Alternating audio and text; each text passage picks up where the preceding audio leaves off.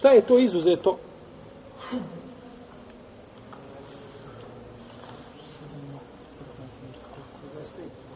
Šta se to izuzima iz ove zabrane? Šta se izuzima iz ove zabrane? Izuzimaju se namazi kada je sunce u zenitu. Kada? A, džuma. Džumom. Petkom. Kada je sunce u zenitu. Došlo je u hadisu da je poslanik sallallahu alejhi ve sellem rekao koji se god čovjek okupa petkom i očisti se dobro, potom namaže svoju kosu ili bradu uljem, da to je sunet, braćo, da se malo ovaj, znači namaže brada ili kosa uljem da se svijetli, jel? Ili da se namiriše lijepo. Potom dođe i ne razdvaja između dvojice u, u, u džematu. U džamiju kada uđe. Kada uđeš u džamiju, tražiš mjesto prvo gdje slobodno i staneš. Ako vidiš da ima negdje šupljina da se može polako mirno proći, popuniš. Ali nikako prolaziti sa vrata, doći u 5 do 12 i prolaziti sa vrata u prvi sat. To je zabranjeno šerijatski. I to se dešava danas mnogim muslimanima. Nekad mlađim, a nekad starijim. Stariji svoji nekakvi pobuda što smatra da je prvi stav za starije, a mlađi zato što smatra da on ima pravo da prođe gore da uzme veću nagradu. Imaš pravo, ali da dođeš u 10, a ne u 12. 12 kada dođeš sedneš kod vrata. I nećeš razijeti omete druge ljude koji su došli prije, koji su došli prije tebe.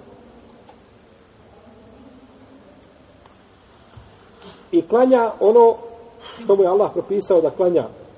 A potom ušudi kada imam držao, bude držao hutku. Biće mu oprošteno ono što je između dvije džume. Pa ukazuje hadis da, znači kada dođeš i klanjaš ono što je Allah propisao, a kada počne hutba, šta radiš?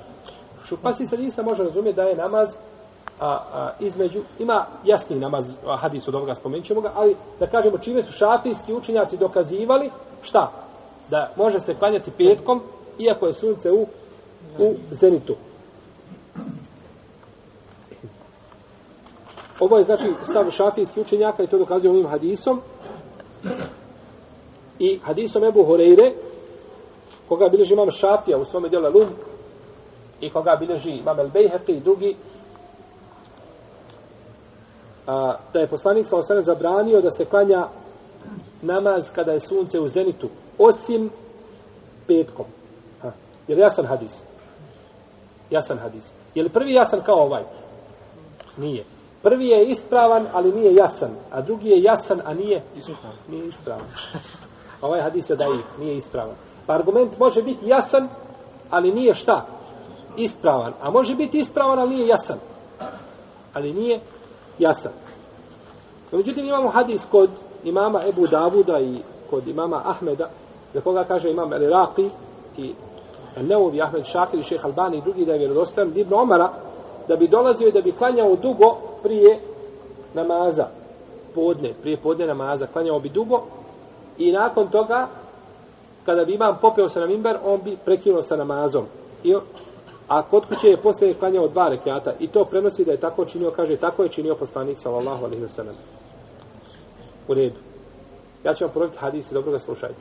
Kaže, prenosi se da je Ibn Omar, Nafija kaže, iz koga bilježi Ebu Dawud, Imam Ahmed, Nafija kaže, dolazio bi Ibn Omar prije podne namaza i klanjao bi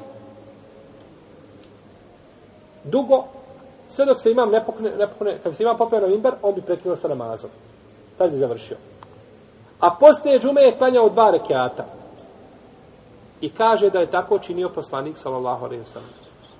Kaže neka ulema, ovo ne može biti dokaz da je poslanik, sallallahu alaihi wa sallam, klanjao prije džume. Kako to?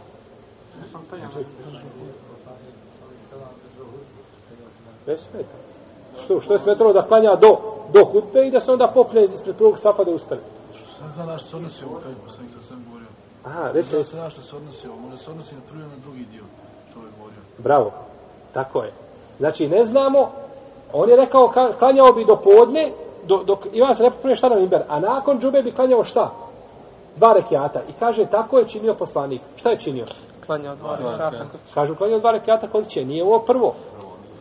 Jeli, može biti, a ne mora biti. Pa oni koji kažu da, da, da ovo nije argument, kažu ovo je postupak ashaba, postupak ashaba, da li argument?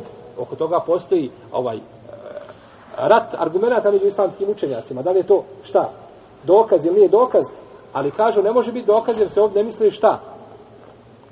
Da je, kao kada je onaj, onaj asab, braće, onaj sulite, ga papani, kada je zakasnio u džamiju. Pa kada je ušao, kaže mu poslanik, sa osam, jesi li ustao i sklanjao, kaže nisam. Kaže, kum ferka. Kum, kum ferka rakijatejni. Ustani, klanjaj dva rakijata, O te džavuz fihima iskrati. Kod predaj kod Ibn Hibana i kod, kod eh, Dare Kutnija koja je vjerodostojna kaže se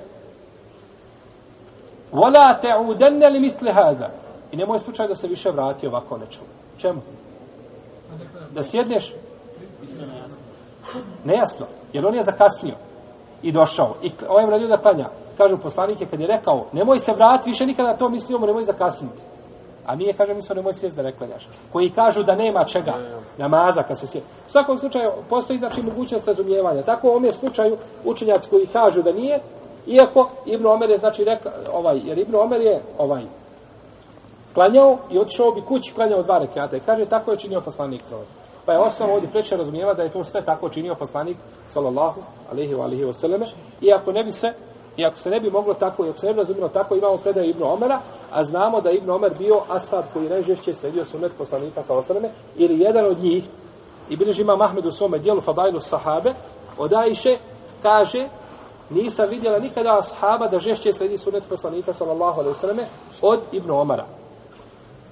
Kaže Ibnu, Ibnu Musejib da sam, da hoću za nekoga posvjedočiti da je dženetlija, kaže rekao bi za Ibnu Omara. Za nekoga za koga nemam teksta. Kada bi kaže, tio da posvjedočim, posvjedočio bi za njega.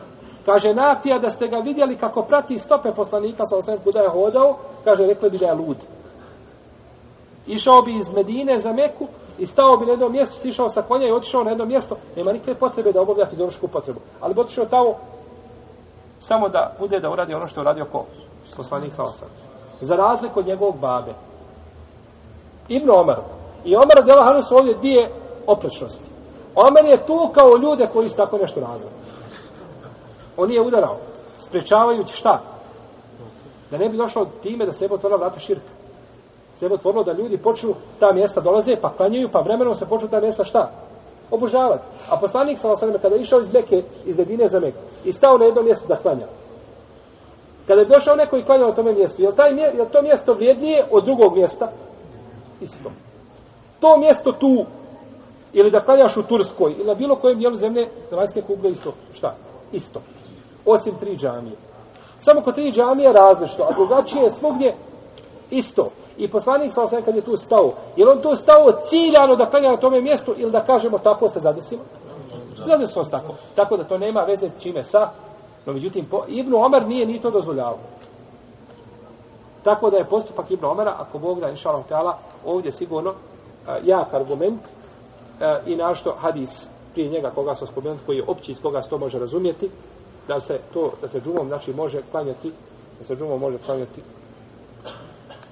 i to imam Neovi spominje u svome komentaru na muslima u Sahih, spominje to od džumhura islamske uleme. Od većine islamske uleme spominje, znači, ovaj, spominje ovaj propis.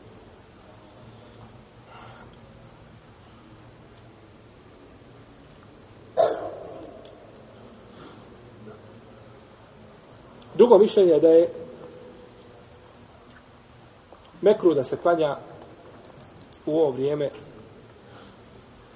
To je mezeb mama Ebu Hanife i poznato je ovo kod imama Ahmeda. I odabro ga je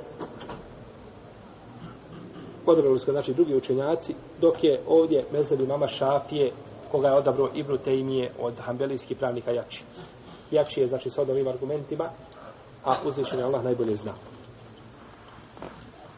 dva rekiata tavafa oko Kjabe. Ko obavi dva rekiata, ko obavi tavaf, može nakon tavafa klanjati dva rekiata kada bude želio. Zbog hadisa Džubeira ibn Matama ili Mutaima radi Allahu anhu da je poslanik s.a.v. rekao o stanovnici plemena Abdu Menaf, nemojte, kaže, nikome ispriječavati da klanja nakon što obavi tavaf u bilo koje doba dana ili noći.